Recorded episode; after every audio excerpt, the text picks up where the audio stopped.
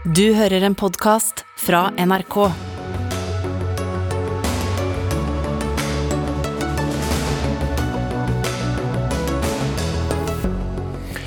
Innbyggerne i Kyiv, Ukrainas hovedstad, har fått beskjed av Russland evakuer. De første flyktningene fra Ukraina har ankommet Norge. Alle bør få midlertidig oppholdstillatelse, krever Norsk organisasjon for asylsøkere. EU innfører sanksjoner mot russiske medier for å hindre russisk propaganda i Europa. Og det er fare for opprustning fra Russland også i nordområdene etter Ukraina-krigen. Grensen deres til Norge er først og fremst grensen til Nato. Da sier vi god ettermiddag. Dette er Dagsnytt 18 tirsdag. Jeg heter Espen Aas. Nå i ettermiddag har bildene rullet inn av TV-tårnet i Kyiv. Et angrep på TV-tårnet har ført til at ukrainske TV-kanaler gikk i svart. Og som nevnt, Russland har i dag bedt innbyggerne i Ukrainas hovedstad om å evakuere. Samtidig pågår det heftig møtevirksomhet i Europa. I ettermiddag besøkte Storbritannias statsminister Boris Johnson og Natos generalsekretær Jens Stoltenberg uh, Tallinn på en militærbase militær uh, base i, i landet. Reporter, altså landets statsminister, og reporter Joakim Reikstad, du har fulgt møtet i, i Estland. og hva var bakgrunnen for at Johnson og Stoltenberg møttes? Ja, Det er eh, to grunner. For det første er jo denne basen en av de mest eh, strategisk plasserte i forhold til eh, hvor Russland ligger. ligger den ligger ca. Ja, 10-12 mil fra grensen til Russland. Det er en base som er ledet av britiske styrker. Derfor var Boris Johnson her. Og basen er bemannet med personell som er spesialister i f.eks. troppforflytning, Eh, i panservern, i, eh, stridsvogner. Eh, slik at dette er en base som absolutt kommer til å være sentral når Nato etter hvert, da, hvis de velger da å ruste enda mer opp i, i øst. Det er også slik at NATO, forholdet til Nato her i Estland er veldig sterkt, og det signaliserte også den estiske statsministeren at hun var veldig glad for nettopp dette Nato-medlemskapet. Men fortsatt er hovedbudskapet herifra at Nato ikke skal være noen eh, aktør som eh, bidrar til mer krigshysteri eller mer krigshissing.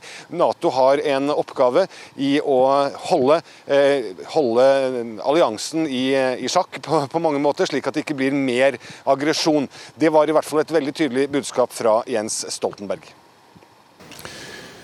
Det er en brutal og forferdelig konflikt som pågår eh, i eh, Ukraina, der eh, russiske styrker nå rykker inn og også er ansvarlig for at sivile blir drept.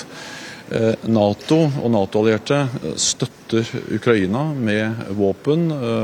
Vi støtter dem ved å innføre store økonomiske sanksjoner mot Russland.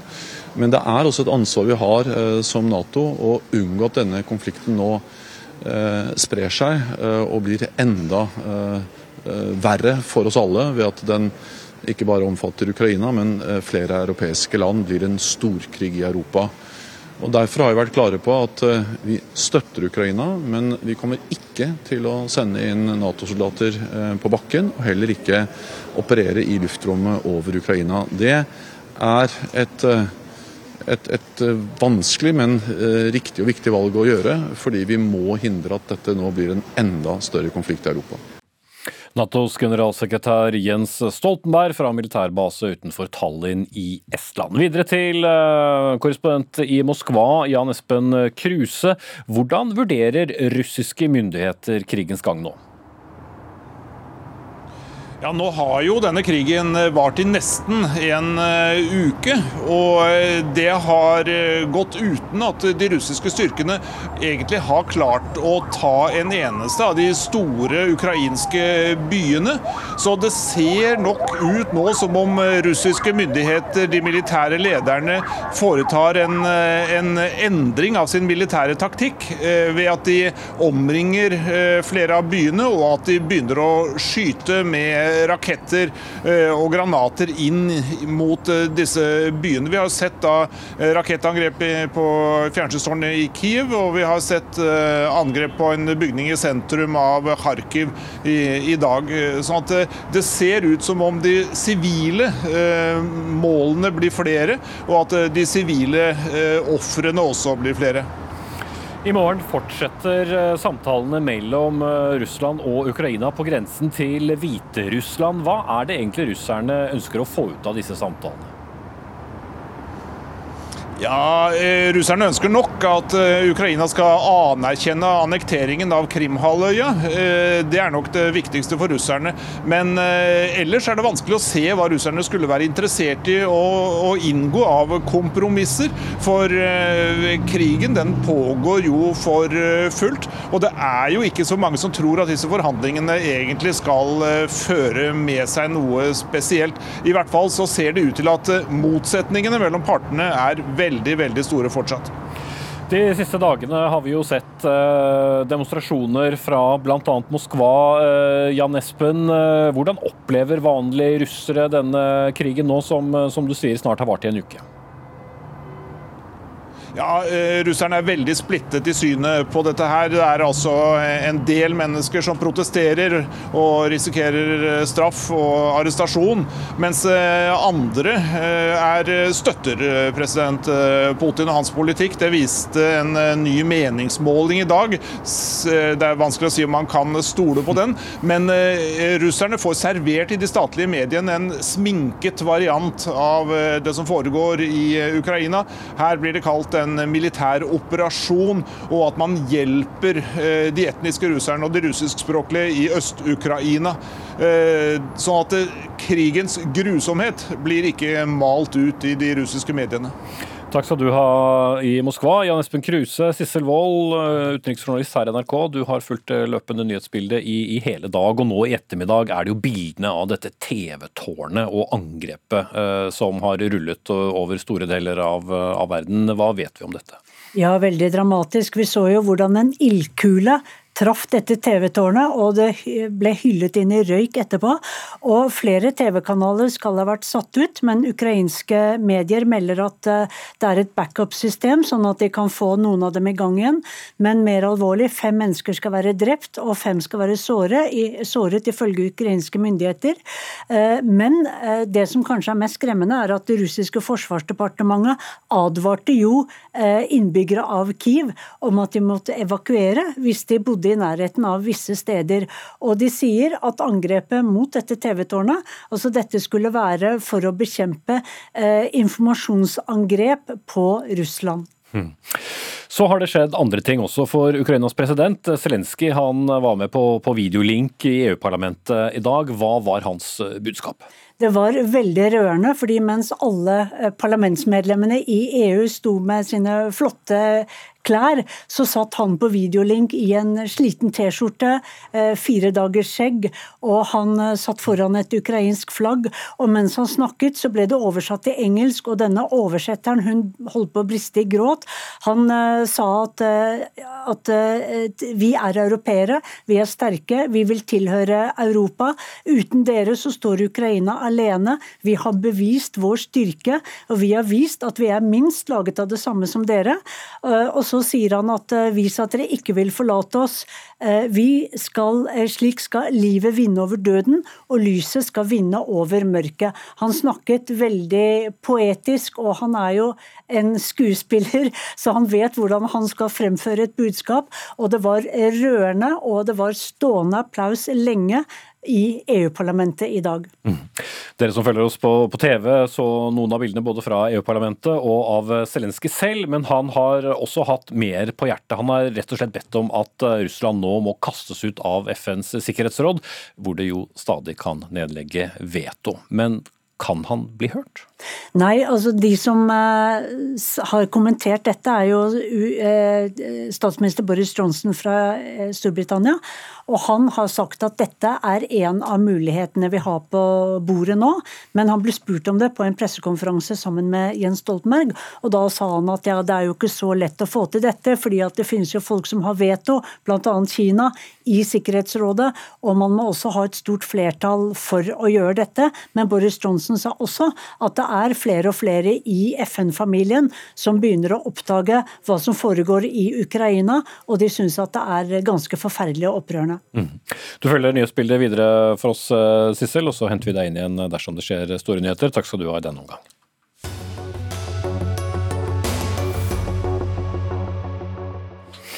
Ja, og som eh, vi allerede har vært inne på, evakuer Kyiv.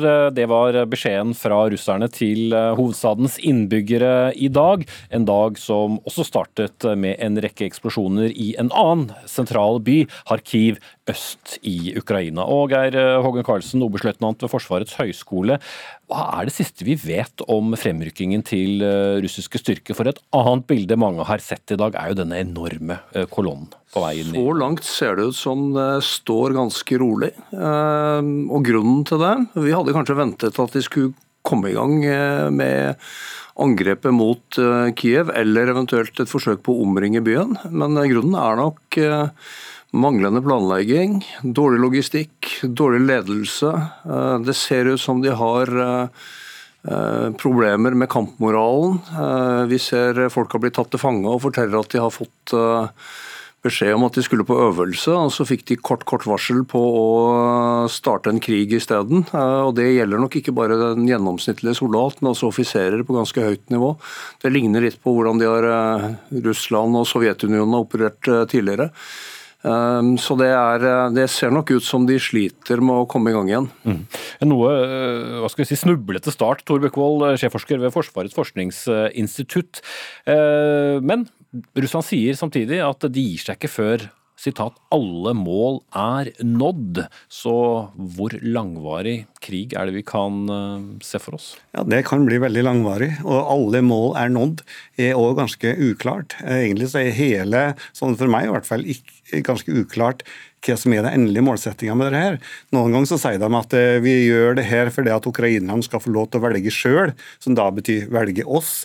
Andre ganger så snakker de om nøytraliteten. men det virker ikke som det er så mye debatt på russisk side om hva som skal skje hvis de faktisk vinner en sånn foreløpig militær seier. Altså hvis de sjøl, om de klarer å slå ned det ukrainske militærvesenet, så er det jo ikke, det er ikke et land som vil stå på russisk side for det. De må jo da stå der i år, sannsynligvis, og okkupere landet for å kontrollere en eventuell marionetteregjering som de setter inn. Mm. Så det handler ikke bare om å vinne slagene om byene, man må holde ut over, over ganske lang tid? Jeg tror det veldig fort kan bli resultatet, og jeg er i tvil om hvor mye man har tenkt på det, selv om det er en ganske naturlig tanke. Så virker det som du gjør veldig mye nå på å vinne denne krigen, først og fremst. Mm. Vi har sett eh, noen av bildene av denne eh, lange kolonnen rulle over TV-skjermen nå, Geir Ågen Karlsen. Eh, noen stusser jo også over på at den fritt får lov til å rulle frem, om enn i et veldig sakte tempo. Ja, Det ser vel ut som om de har fått fram i hvert fall støtte, sånn som luftvern. Eh, ellers så hadde det vært militær galskap å stå oppmarsjert sånn. Eh, vi, vet at de tyrkiskproduserte dronene som ukrainerne har, har vært eh, brukt effektivt. Men det er nok fordi de første russiske avdelingene rykket veldig raskt fram, og så fikk de ikke med artilleristøtte og luftvernstøtte. Så de, de, har nok fått på plass støtten her, så de klarer å sikre seg selv. Men så skal de omorganisere dette her og komme ut i angrepsformasjoner og etterforsyne og rydde opp i kaoset etter å ha tapt folk og sånn. Så det, det tar mye lengre tid enn enn forventet. Men eh, det er liksom to alternativer rundt Kiev akkurat nå. Det ene er at de først omringer byen. Så kan det være at de da gir eh, ukrainerne et ultimatum om å overgi seg. Eh, eventuelt så kan det være at de går mer direkte på innover mot, mot sentrum. Uansett så er jeg helt enig med Bukkvold at Får du bykamper der, så blir dette langvarig, det blir blodig og det blir store ødeleggelser og utvilsomt uh, store sivile lidelser. For nå, nå, begynner jo folk etter hvert å gå tom for mat. Du har ikke drivstoff på bilen, strømmen går, vannet går. Sykehusene går tomme for medisiner og utstyr. Så det, det her kan bli Eh, svært vanskelig. Og Det er ingen politisk løsning som er mulig å se på kort sikt. så dette, det, er, eh, det er liksom optimistisk å tro disse forhandlingene skal gi noe resultat sånn med det første.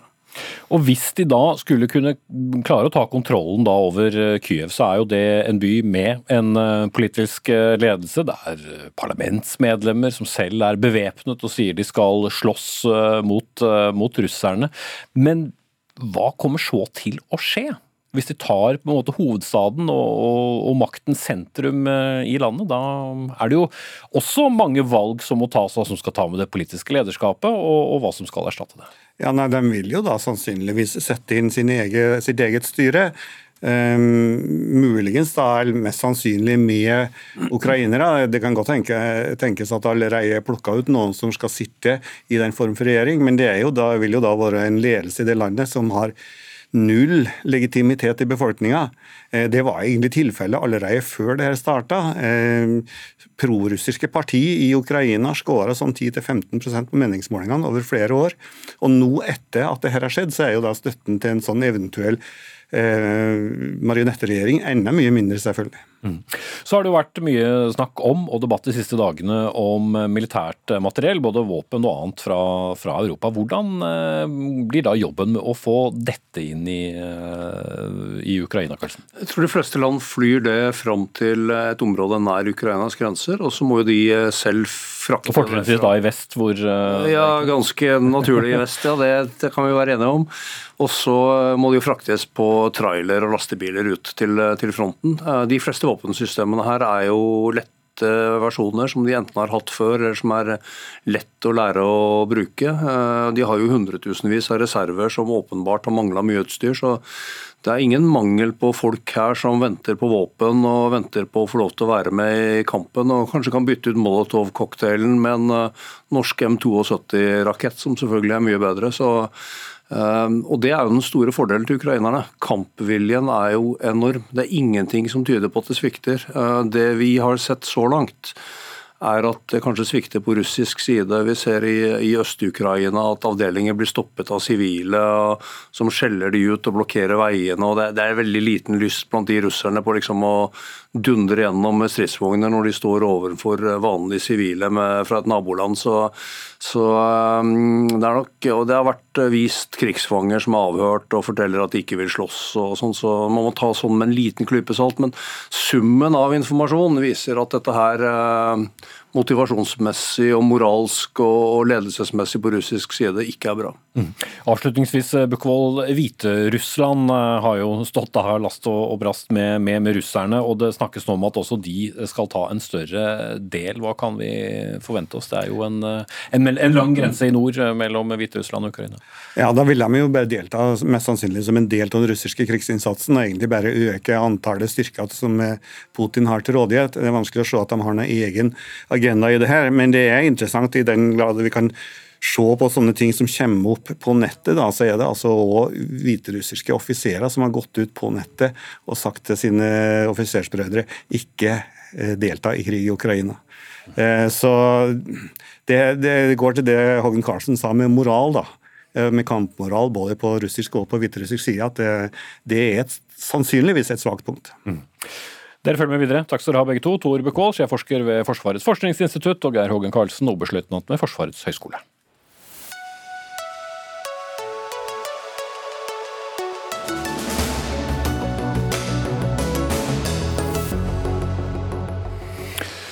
De eh, første flyktningene fra Ukraina har eh, for lengst, eh, ikke for lengst, men har i hvert fall nylig ankommet Norge flere steder. Vi har alle sett de enorme køene med flyktninger som vil eh, ut av landet. FNs høykommissær eh, sa at iallfall 660 000 har flyktet ut av eh, Ukraina.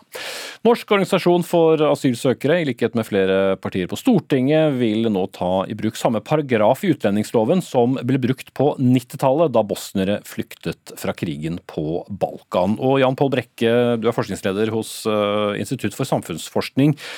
Hva er det det handler om? Hvorfor er dette en viktig paragraf? Altså dette, man kan tenke seg Når det kommer flyktninger til Norge, eller folk som mener at de har beskyttelsesbehov, så kan de enten komme gjennom FNs overføringsflyktningsprogram, som mange har hørt om, og som nå er der det kommer flest. Eller de kan komme eh, på egen hånd og søke om asyl. Da får de individuelt behandlet saken sin i begge tilfeller. FN-flyktninger får det før de kommer, mens eh, asylsøkere får det etter å ha kommet til Norge. Men I tillegg til de ordningene så har vi en egen ordning som er at Eh, i massefluktsituasjoner så kan mange komme til landet på samme tid. På, på, kort tid kommer det mange, og da kan man sette til side hele dette apparatet med individuell behandling.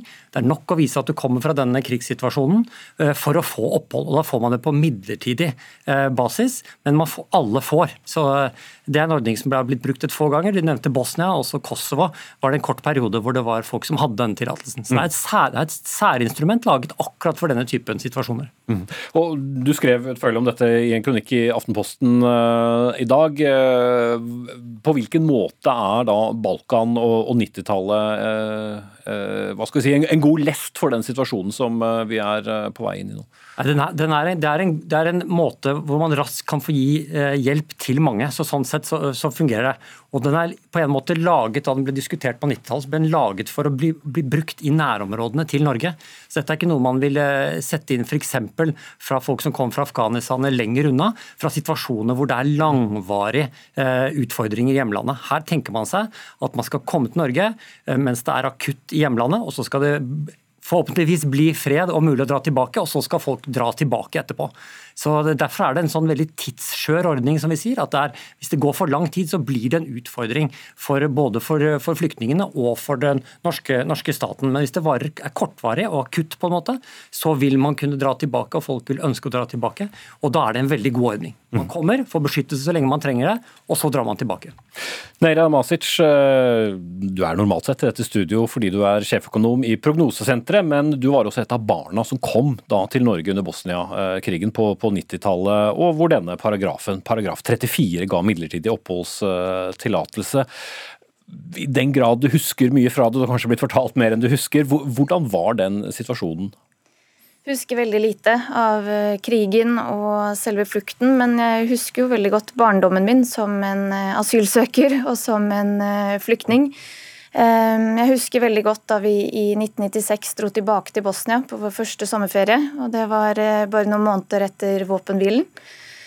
Jeg husker at eh, alt var, var borte. Det var ingenting igjen. Ehm, vi eh, hadde ikke noe sted å bo. Denne ferien var veldig litt gjennomtenkt. Jeg er litt usikker på hvorfor vi dro, men foreldrene mine ville at vi skulle se familien igjen og se hvordan det var. Så vi måtte bo hos familien, for vår egen bolig den var fortsatt okkupert. Ehm, familien vår hadde ingenting. Det var ekstrem fattigdom. Eh, det var ganske stor kontrast mellom eh, livet vi levde på Greverud, Oppegård, rett utenfor Oslo her, og det livet vi eh, forlot i Bosnia, det som møtte oss på den sommerferien. Mm.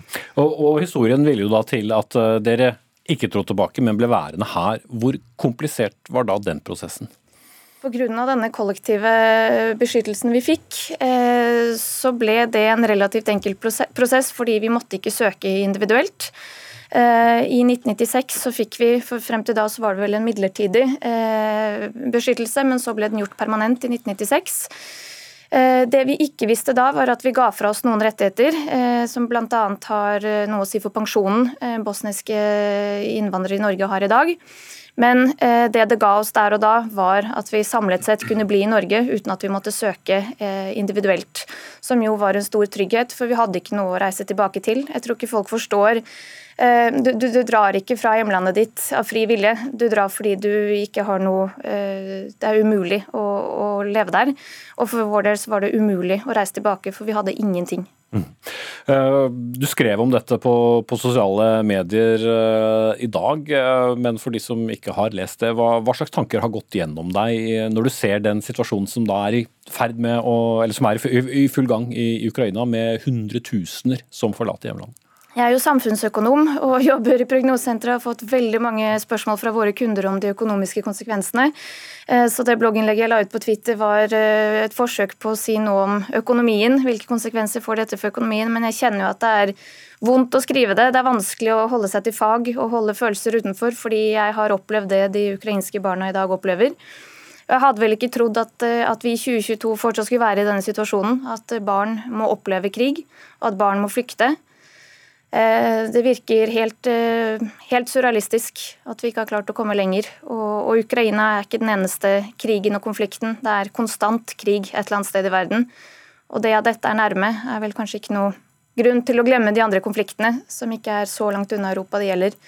Så det er nok å ta av. Pål Nesse, generalsekretær i Norsk organisasjon for asylsøkere, eller da NOAS. Dere ønsker da at denne paragraf 34 skal tre i kraft nå, og da gir denne midlertidige oppholdstillatelsen til de flyktningene som kommer. Eh, hvorfor er det nødvendig å sette det i gang allerede nå? Det er fordi at ting skjer så raskt nå. Du nevnte tallet 660 000, det ikke, og det er altså på fem dager. Så, og tallene stiger veldig dramatisk hver eneste dag. Og det er nettopp skalaen og hastigheten her som gjør at dette er en relevant paragraf. Lagd for akkurat det som Jan Paul sa her, lagd for denne type situasjon. Og så ser vi at EU har vært imponerende raske til å handle og samordne seg på en måte de ikke har gjort i flyktningpolitikken på flere tiår. Så da skal vi være med. Og så skal vi være med i tet på å ta ansvar og på å delta på dette europeiske spleiselaget, avlaste de landene som får så mange. Og da er dette den gode mekanismen, nettopp fordi du kan ta folk raskt imot, du kan ta mange, og du skal ikke ha en lang prosess med individuell vurdering. Du kan kjøre folk direkte ut i Kommune-Norge veldig fort, og der tror jeg folk står klare nå til å gjøre en innsats. Mm. Og, og Foreløpig er det jo heller ingen stor politisk eh, debatt her hjemme, men litt av poenget med det utspillet er vel også at man må få eh, mekanismer eh, på plass? Ja, og nå vet vi jo at eh, Utlendingsdirektoratet og Politiets utlendingsenhet osv. forbereder ting og eh, jobber med beredskapen, men nettopp fordi det må skje så fort og at du ikke da må få flaskehalser i tillegg, så, eh, så er det viktig å gjøre dette nå. Mm. Det er jo særlig omkringliggende landene vest for Ukraina som har de største strømmene, og så går jo de da videre. Jan Pål Brekke, mm. Vi hadde jo også da en helt annen form for flyktningsituasjon i, i, i, i 2015. Mm. Eh, ser vi også at dette takles forskjellig? Ja, jeg tror det er en helt annen, opplevelse, en helt annen situasjon nå. Og det er flere grunner til det. Det ene er at eh, det var en, eh, en ankomster fra mange forskjellige konfliktsituasjoner som kom den gangen, og de kom lengre unna fra. Det var ikke fra, opplevdes ikke som Europas nærområde, selv om Syria jo er nærme, nærme Tyrkia og Europa og Hellas. Eh, så det, ikke, eh, så det opplevdes eh, annerledes den gangen. Nå er det nære Europa. Det er en veldig tydelig situasjon. Og disse folkene kommer inn i de østlige europeiske landene, som du sa. Og det det er, jo de landene som nå lenge har vært kritiske til å lage en samordnet eh, europeisk politikk på flyktning- og asyl, asylområdet. Mm. De som også har satt opp piggtråd og bevoktet ja. grensene sine for ikke ta imot eh, flyktninger. Ja, også legge til det. Ja. Så det har vært noen rapporter om, om forskjellsbehandling på de grensene, fordi eh, folk med afrikansk bakgrunn, utenlandske studenter fra Ukraina, som har blitt stoppet og opplever seg forskjellsbehandlet. Men, men i, i, hovedsak så er det de landene som nå tar imot disse østeuropeiske landene, og Vest-Europa, som tidligere er da positive, mange av dem er da positive til en, en ansvarsfordeling her. Så Norge, kommer, og Norge har vært fremoverlent i tidligere situasjoner hvor det har vært den typen ansvarsfordelinger, og vil gjerne samarbeide med EU på dette området. Mm. Og, og som Nesse påpeker, 660 på fem dager. Vi kan se millioner på atter millioner som kommer inn i, uh, i Europa. Er det også en, en bekymring da i, i en del EU-land at dette kan destabilisere situasjonen, hvis man ikke klarer å organisere dette? Altså det, jeg, sånn, sånn, som det er foreløpig, det vil alltid være en diskusjon om det hva er en slags eh, tålegrense, men i dette tilfellet så tror jeg det er, en, eh, den, det er ikke noe stor debatt.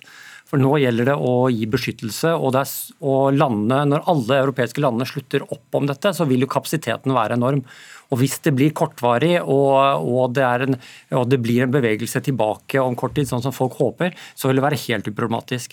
Går det over lengre tid, så vil man finne måter hvor man går fra denne kollektive beskyttelsen, som er sånn eh, at man både skal se om man skal dra hjem eller bli i landet man er i, fra den typen beskyttelse til at det blir en mer permanent løsning for folk. For Det er det da det beste for de som har kommet, så de kan velge selv om de vil dra hjem eller ikke. Og det er det beste for vertslandene, som da får en stabilitet og kan jobbe med integrering, at folk begynner på skole og kommer i arbeid osv., så videre, sånn at det blir eh, langsiktige løsninger for alle involverte. Mm. Fire år var vel oppholdstillatelsen som man fikk da på, på 90-tallet, Pål Nesse. Er det lenge nok? Det kommer helt an på situasjonen. Utgangspunktet nå er jo nettopp at vi vet ikke hvordan vi ser ut i Ukraina om tre måneder, seks måneder, et år. Sånn at eh, Eksempelet fra Kosovo i 1999 var jo også at vi gjorde det på samme måten. Norge tok 7000 på veldig kort tid, som var et viktig måte å vise nabolandene at her er vi med. Og så dro de aller fleste hjem ganske raskt, fordi situasjonen endret seg. Så med dette så er det viktig å komme fort i gang når du først kommer til Norge og begynner på skole og barnehage og prøve å få jobb osv. Det vil være bra uansett. Men så er det også sånn at hvis situasjonen blir ok, trygg, i, så kan du dra tilbake. Hvis ikke så må vi da forberede lengre opphold.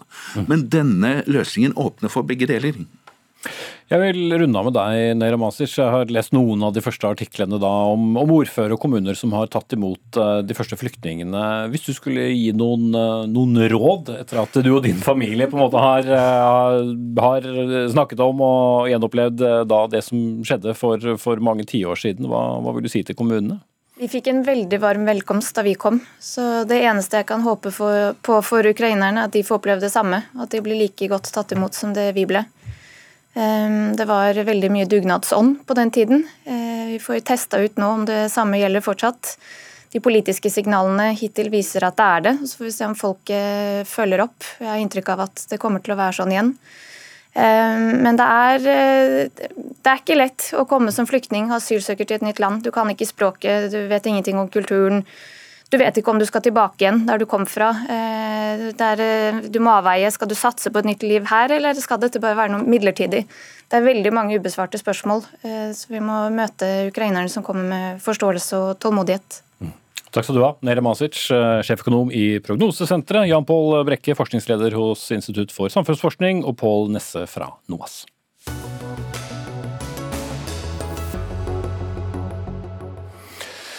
De russiske kanalene RT eller Russia Today og Sputnik kan eh, i dag ikke lenger kringkastes eh, som før, bl.a. ikke på YouTube i Europa, samtidig som EU har tatt andre grep for å begrense kanalenes mulighet til å nå ut. Bakgrunnen er naturlig nok eh, beskyldninger om eh, feilinformasjon og propaganda, som jo er eh, svært sentrale virkemidler i krig og konflikt. Og Kristin Skare og du er professor i journalistikk og medfag ved Oslo MET. Dag seks i krigen, hvor mye merkes propaganda? Den merkes svært godt, og vi er vel nå alle Det er ganske åpenbart for oss at nå parallelt med krigen på bakken i Ukraina pågår en reell informasjonskrig. Um, vi ser at det sirkulerer bl.a. en hel rekke falske uh, meldinger og videoer uh, rundt omkring i mediene, kanskje spesielt i sosiale medier.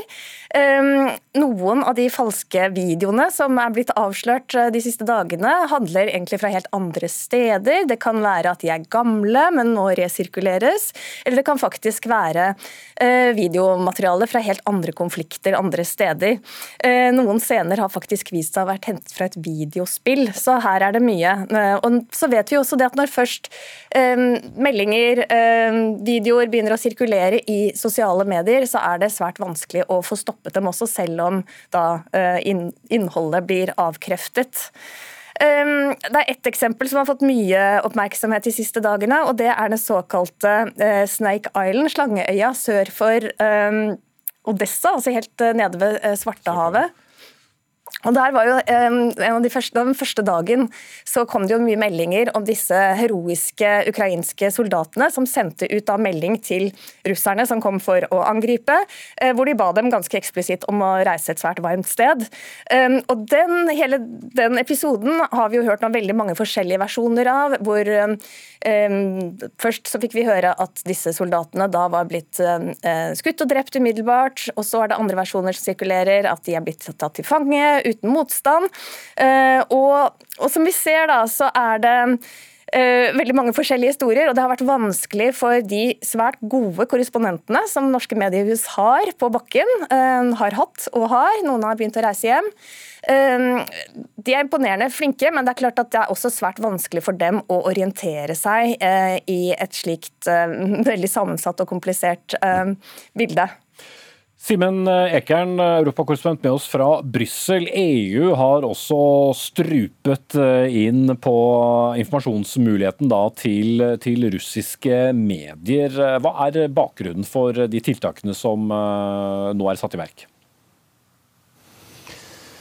Bakgrunnen nå er jo at ja, kommisjonspresident Ursula von der Leyen sier rett ut at disse kanalene, da snakker hun om RT, som tidligere var kjent som Russia Today, og Sputnik eh, særlig, at de Eh, ikke bare forvrenger sannheten, men, men, de sprer giftige og farlige løgner. Og Fra EUs side så er dette vedtaket begrunnet da med at det nå dreier seg om ren krigspropaganda, informasjonskrig på europeisk territorium som man ikke lenger eh, vil tillate. Mm. Og, og, Hvordan klarer man å begrense muligheten da til, til å komme i Europa? RT Russia Today har jo hatt uh, sendekontorer i, i, Storbritannia, hatt profilerte programledere fra, fra politikk og andre kanaler. Ja, absolutt. Og RT i Frankrike har jo 200 eh, franske ansatte med, med, fransk eh, pressekort. Detaljene på hvordan dette skal skje kommer eh, senere i kveld. Og det er jo litt forskjellige hensyn som skal tas her. Dels så handler dette om TV-kanaler og deres mulighet til å sende. Dels så handler det om disse nettsidene, som i noen land er ganske mye lest og mye brukt som kildemateriale. Og så har vi da i tillegg til det EU-kommisjonen gjør, sett i dag at eh, etter at eh, YouTube bestemte seg for å ikke tilby sine plattformer for RT og Sputnik, så gjør Google eh, det samme, og også Telegram. Så flere av disse plattformene på nettet blir heller ikke tilgjengelige for, for sendingene til, til disse russiskeide kanalene. Mm. Hva slags reaksjoner er det som har kommet på disse sanksjonene? Vel, Mediehusene selv har jo eh, naturlig nok reagert med eh, å si at dette er sensur. På sarkastisk vis så sier de dette er altså Vesten som eh, dyrker det frie ord og, og ytringsfrihet. Se hvordan vi blir kneblet. Eh, det er også enkelte opposisjonspolitikere i Frankrike f.eks. Marine Le Pens tidligere høyre hånd, som nå har sitt eget lille parti, Patriotene. Han kaller det et statskupp. Men ellers eh, så er det også bekymring blant eh, pressefolk, har jeg sett. Den politiske redaktøren for Der Spiegel, det viktige tyske nyhetsmagasinet, er en av dem som eh, er bekymret, eh, ikke minst eh, hva angår motreaksjonene. For vi så jo tidligere i vinter, så, så forbød Tyskland, RT-Tyskland, å sende videre nettopp av den samme begrunnelsen, altså tidligere i krigen. Og reaksjonen der ble at tyske korrespondenter for Deutsche Welle ble sendt ut fra Russland. Og det man frykter nå, er at mottiltak vil gjøre det vanskelig eller umulig for vestlige journalister å, å rapportere fra Russland. Tilbake til professoren i, journalistikk her, Kristin Skare Orcheré. Hva, hva, bør man se etter, rett og slett? Altså Som mediebruker. altså ting er jo hva store redaktørstyrte medier uh, deler, men no, noe helt annet er jo hva som ellers dukker opp på sosiale medier, Twitter, TikTok og andre steder. Generelt sett så kan man nok stole mer på de eh, store redaktørstyrte eh, mediene enn eh, sosiale medier, men vi ser jo også at det er veldig mye glidende overganger. At fortellinger fra sosiale medier plukkes opp i redaktørstyrte medier, og den andre veien. Så dette er jo ikke noen sånne vanntette skott mellom de to arenaene lenger. Men vi sier jo ofte at produsenter av falske nyheter er ofte ute etter å skape sterke følelser.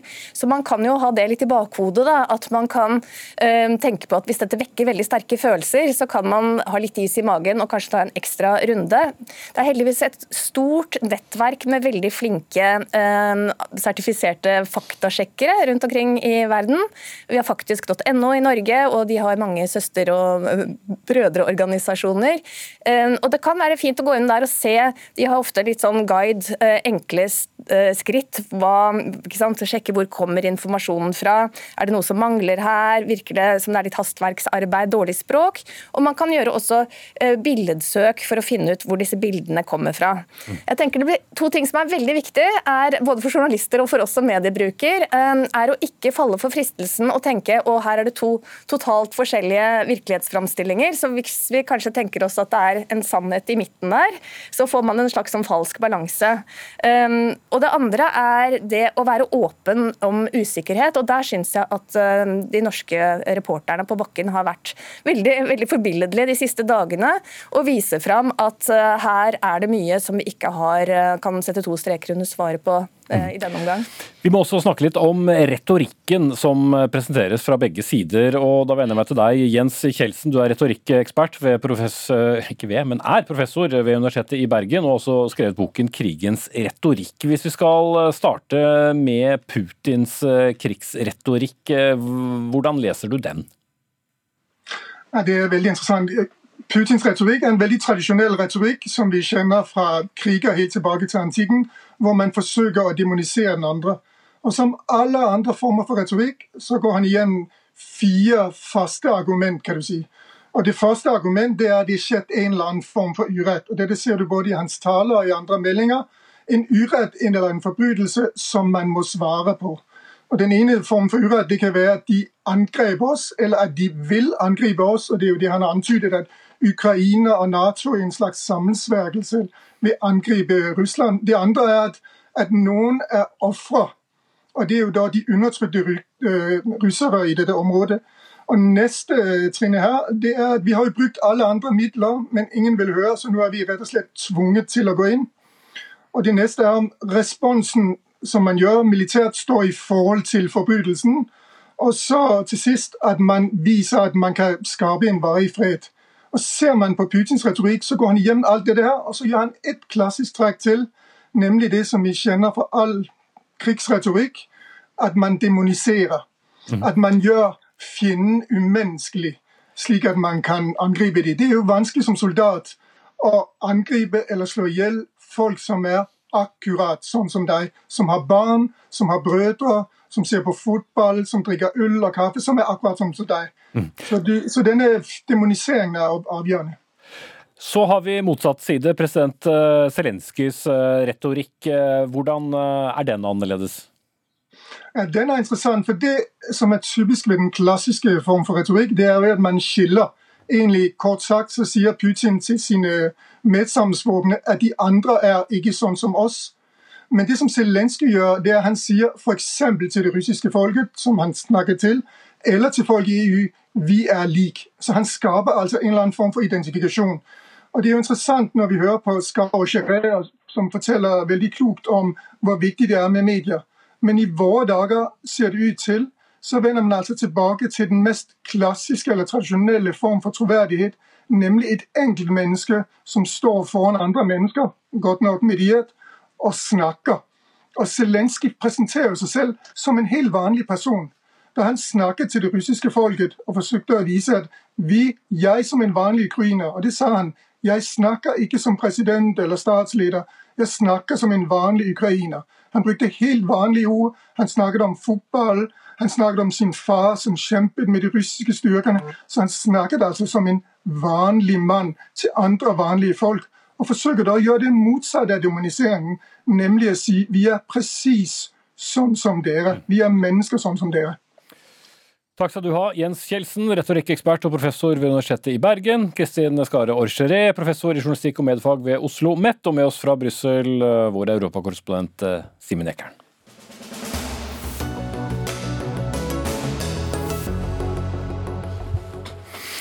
Mang en eh, tidligere Nato-motstander går om dagen nye runder med seg selv. Det skjer eh, faktisk også innad i partiet som er tuftet på motstand mot norsk Nato-medlemskap.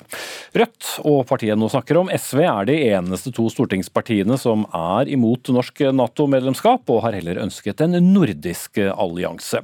Men innad i SV er det enkelte som mener er på tide å tenke nytt og en av dem er deg, Pål Julius Skogholt, gruppeleder i Tromsø SV. Du sa til Nordlys at SV nå må revurdere dette standpunktet til Nato-medlemskap. Hvorfor er dette tidspunktet å gjøre det på? Altså, grunnen til at jeg sier det, er jo fordi at jeg genuint er i tvil om hva som er rett standpunkt til, til Nato. Uh, og Det handler jo om uh, norsk trygghet, men det handler jo òg om det som du pekte på i begynnelsen, her, det som har vært det tradisjonelle alternativet til Nato-medlemskap for SV, altså en nordisk uh, forsvarsunion. Og Sånn som stemninga er i Sverige og Finland akkurat nå, så ser det nå mer sannsynlig ut at de blir med i Nato, enn at det er mulighet for å bygge opp en, et nordisk forsvarsunion som har noe, noe betydning. Og da tenker jeg at Da er det rimelig at vi tar en diskusjon om hvorvidt det standpunktet vi har hatt siden partiet ble stifta, fremdeles er rett. Verden er i eh, endring rundt oss.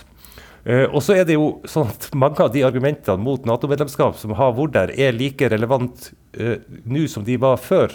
Men situasjonen rundt oss har endra oss, og det må vi ta inn over oss. Og så må vi veie argumentene for og mot en gang til, for å være sikre på at vi har det rette eh, standpunktet. Mm. Mahmoud Ahmed, gruppeleder og kommunestyrerepresentant for SV i Ullensaker. Går du mange nye runder med deg selv når det gjelder standpunktet til partiet mot norsk eh, Nato-medlemskap?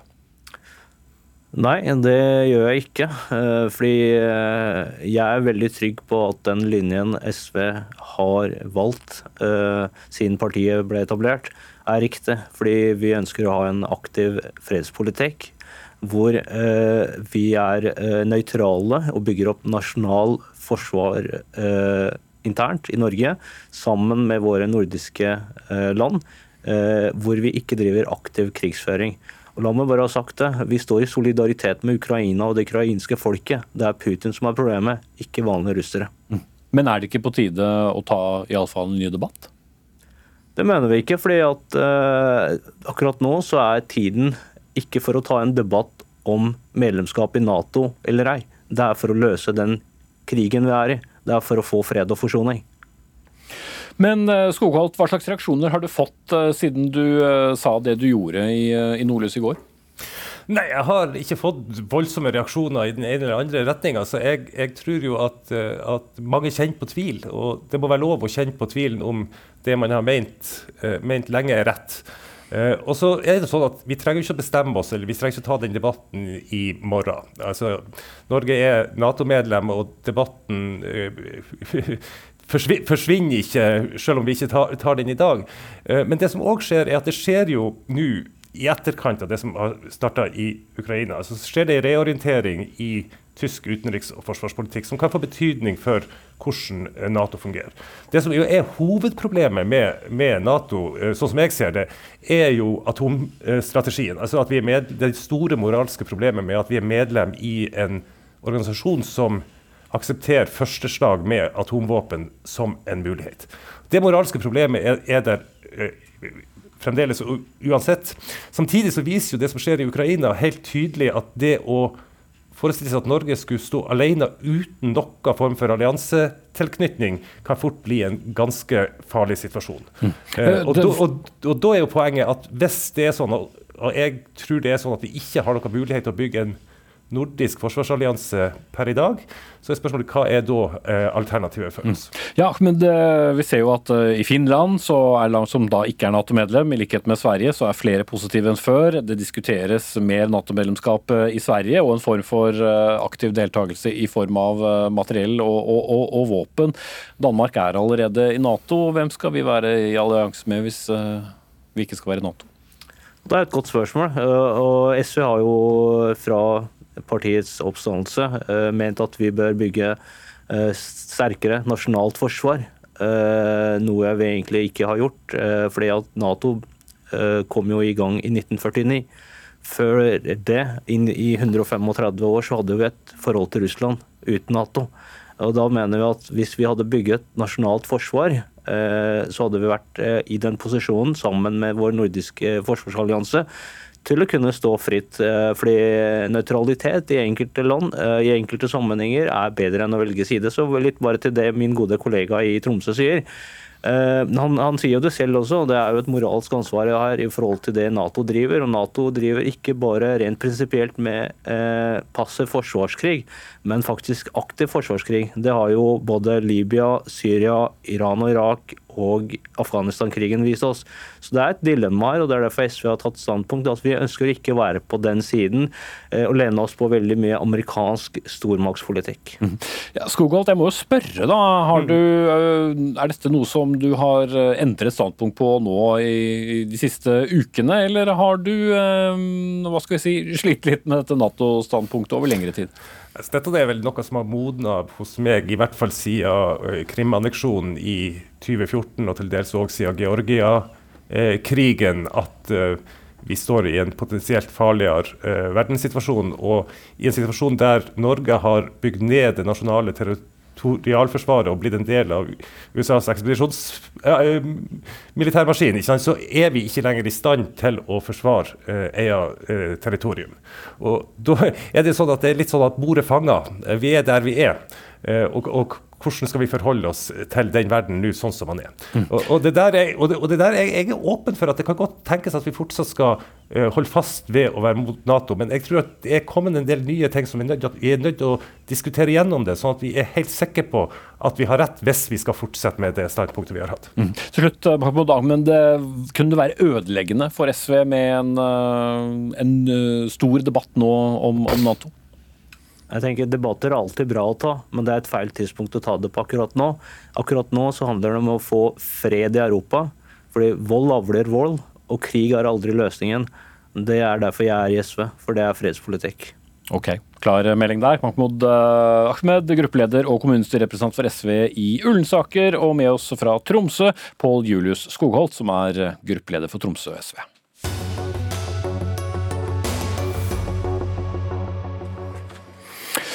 Nå skal vi eh, snakke om eh, noe som mange er opptatt av, og sikkert mange kommer til å være enda mer opptatt av etter hvert som krigen går, i, går sin gang, nemlig eh, forholdet til Russland i nordområdene. Én ting er den 196 km lange landgrensen, men så har vi også den enorme delelinjen som går nesten opp til Nordpolen. Og dette er ikke bare en grense mellom to land, det er også grense mellom Nato og ikke-Nato, hvis forhold i øyeblikket befinner seg på frysepunktet. Og Katarzyna Sysk, du er professor internasjonale studier og samtidshistorie ved Institutt for forsvarsstudier. I går ble det altså bestemt at Norge skal sende våpen til Ukraina. Kan dette forverre forholdet mellom eh, naboen i øst og Norge ytterligere? Ja, ja, altså, Det er klart at det, det kan potensielt bidra til en, til en økt eh, spenning. Um, Russland oppfatter det generelt sett det, vest, det Vesten gjør, dvs. Si altså um, bruk av økonomiske midler, bruk av um, informasjonsmidler men også bruk av de militære midlene, selv om det er på en måte indirekte, som en form for, for eskalering. Mm. Det meste av russernes oppmerksomhet eh, nå er naturlig nok eh, på Ukraina. Men eh, grensen da mot Norge og Nato i nord, hvor viktig er den? Det er viktig på mange måter for Russland. Ikke direkte akkurat nå, men det er klart at dette området er svært viktig for Russland, fordi den spiller en helt sentral rolle i russisk militærdoktrine og strategi. Til tross for at vi har sett en enorm uh, militær modernisering over de siste 14 årene, så har betydningen av kjernevåpen blitt fortsatt veldig viktig og sentral. Og nordområdene spiller en sentral rolle sånn sett, og særlig bidrar til sjøbasert kjernefysisk avskrekking. Så for Russland, som du har sagt, det er en grense med Nato. Og, og er, det er klart at, at, Russland kommer til å, til å eh, observere nøye hva som skjer der og så reagere hvis, hvis, det skulle skje, hvis det skulle eh, være nødvendig. Mm. Enn så lenge har vi ikke sett veldig mye um, uvanlig aktivitet i dette området, men, men Nordflåten allerede deltar på en måte i, i, kamphandlinger indirekte. altså Dette området deltar gjennom Nordflåten, fordi vi vet at enkelte kapasiteter, altså skip, amfibiefartøy f.eks., og, og Nordflåtens brigade deltar i kamphandlingene i Ukraina. Mm.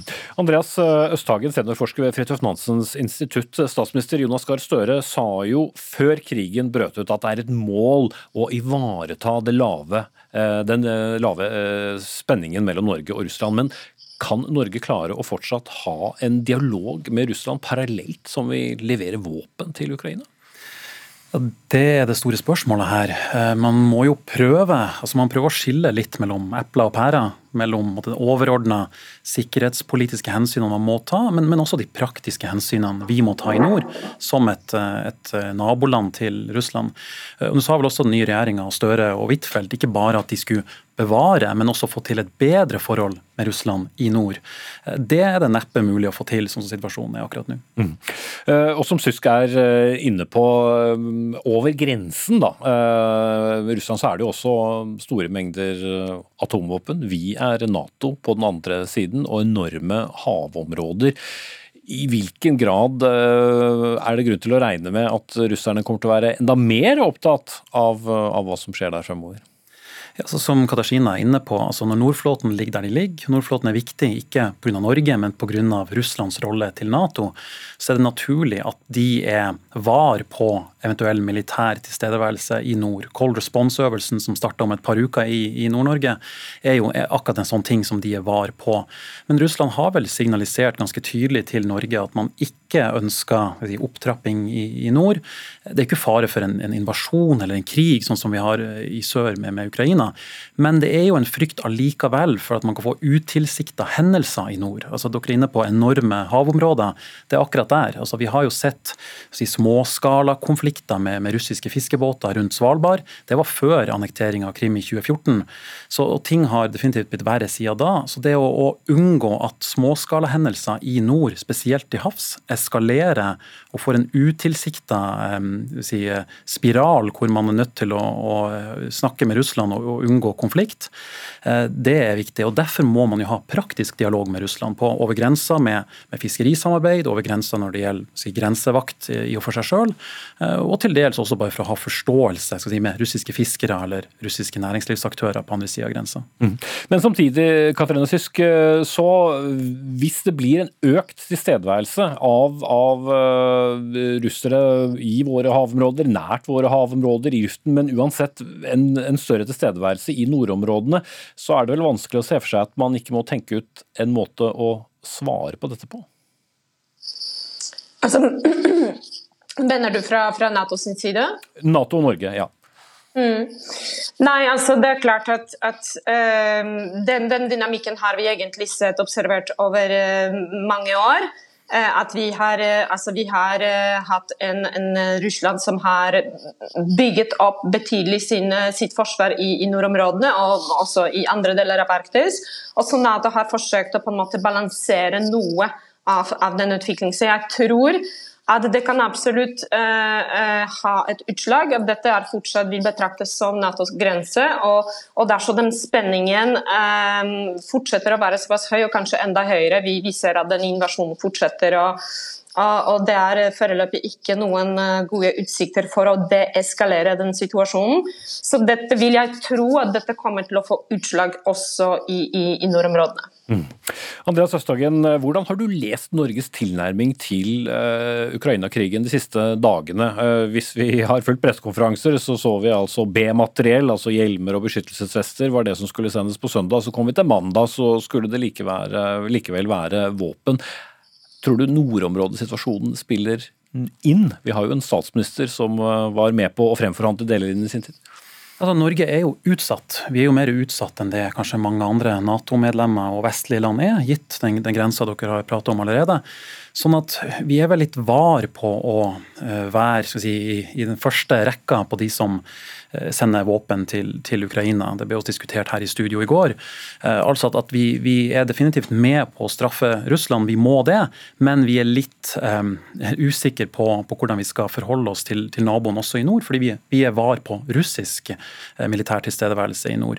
Så vi er med, men, men samtidig vi må forholde oss til Russland på en annen måte enn det mange andre land må. Derfor kanskje også den litt nølende tilnærminga. Da sier jeg takk til dere begge to. Andreas Østhagen, seniorforsker ved Fridtjof Nansen institutt, og med oss på linje fra Paris, Katarzyna Sysk, professor internasjonale studier og samtidshistorie.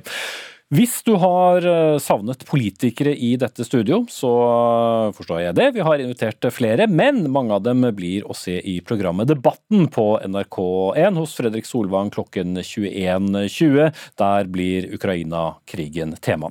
Ansvarlig for denne sendingen, Odd Nyterøen. Hanne Lunås tok seg av det tekniske. Jeg heter Espen Aas. Dagsnytt 18 er tilbake igjen i morgen.